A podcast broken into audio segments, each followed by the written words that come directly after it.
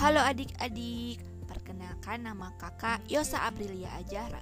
Pada podcast kali ini akan membahas mengenai perkembangbiakan generatif pada tumbuhan. Perkembangbiakan generatif yang pertama terjadi pada bunga. Di dalam bunga terdapat alat perkembangbiakan berupa sel kelamin jantan dan sel kelamin betina. Sel kelamin tersebut dapat melakukan perkawinan hingga menghasilkan pembuahan.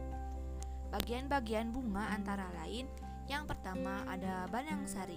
Benang sari yaitu organ reproduksi sel kelamin jantan pada bunga. Setiap benang sari umumnya terdiri dari tangkai sari dan pada ujung tangkai sari terdapat kepala sari atau bunga. Bagian-bagian benang sari yaitu yang pertama ada kepala sari, yaitu bagian paling ujung dari tangkai sari. Di dalam kepala sari terdapat ruang yang berfungsi sebagai penampung serbuk sari.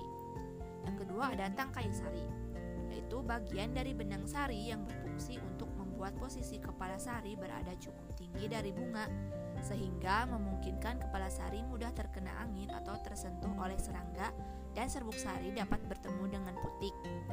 Yang kedua ada putik. Putik adalah organ pada bunga yang berfungsi sebagai alat kelamin betina putik terletak di bagian tengah-tengah bunga. Bagian-bagian putik yaitu yang pertama ada kepala putik, yaitu bagian paling pucuk atau ujung dari putik. Yang kedua ada tangkai putik, bagian dari putik yang berfungsi untuk meninggikan posisi serta menopang kepala putik sehingga lebih mudah menangkap serbuk sari pada proses penyerbukan. Yang ketiga ada bakal buah, yaitu bagian dari putik yang mengandung sel telur. Apabila terjadi pembuahan, bakal buah akan berkembang menjadi buah. Yang ketiga ada mahkota bunga. Mahkota bunga adalah bagian bunga yang umumnya memiliki warna yang mencolok. Hal ini berfungsi untuk menarik perhatian serangga guna melancarkan proses penyerbukan. Yang keempat ada bakal biji, yaitu bagian yang apabila terjadi pembuahan akan berkembang menjadi biji. Bakal biji ini berfungsi sebagai tempat pertemuan sel-sel telur yang dibuahi serbuk sari melalui proses penyerbukan. Yang kelima ada kelopak bunga, merupakan bagian bunga paling luar yang menyelimuti mahkota ketika masih kuncup. Fungsinya ini yaitu untuk melindungi mahkota ketika masih kuncup dan akan terbuka jika mahkota mekar. Yang keenam ada dasar bunga yaitu bagian bawah dari bunga. Dasar bunga berfungsi sebagai tempat melekatnya mahkota bunga.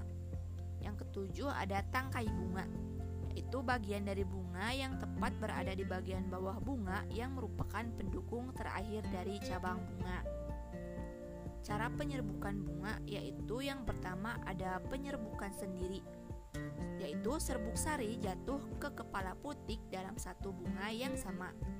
Kedua, penyerbukan serumah atau tetangga, yaitu serbuk sari jatuh ke kepala putik bunga lain tetapi masih dalam satu pohon yang sama. Yang ketiga, penyerbukan silang, yaitu serbuk sari jatuh ke kepala putik bunga lain yang berbeda pohon, tapi masih satu jenis.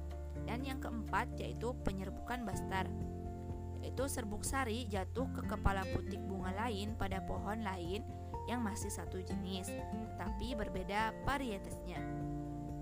Terima kasih telah mendengarkan podcast ini. Sampai jumpa di pertemuan selanjutnya. Wassalamualaikum.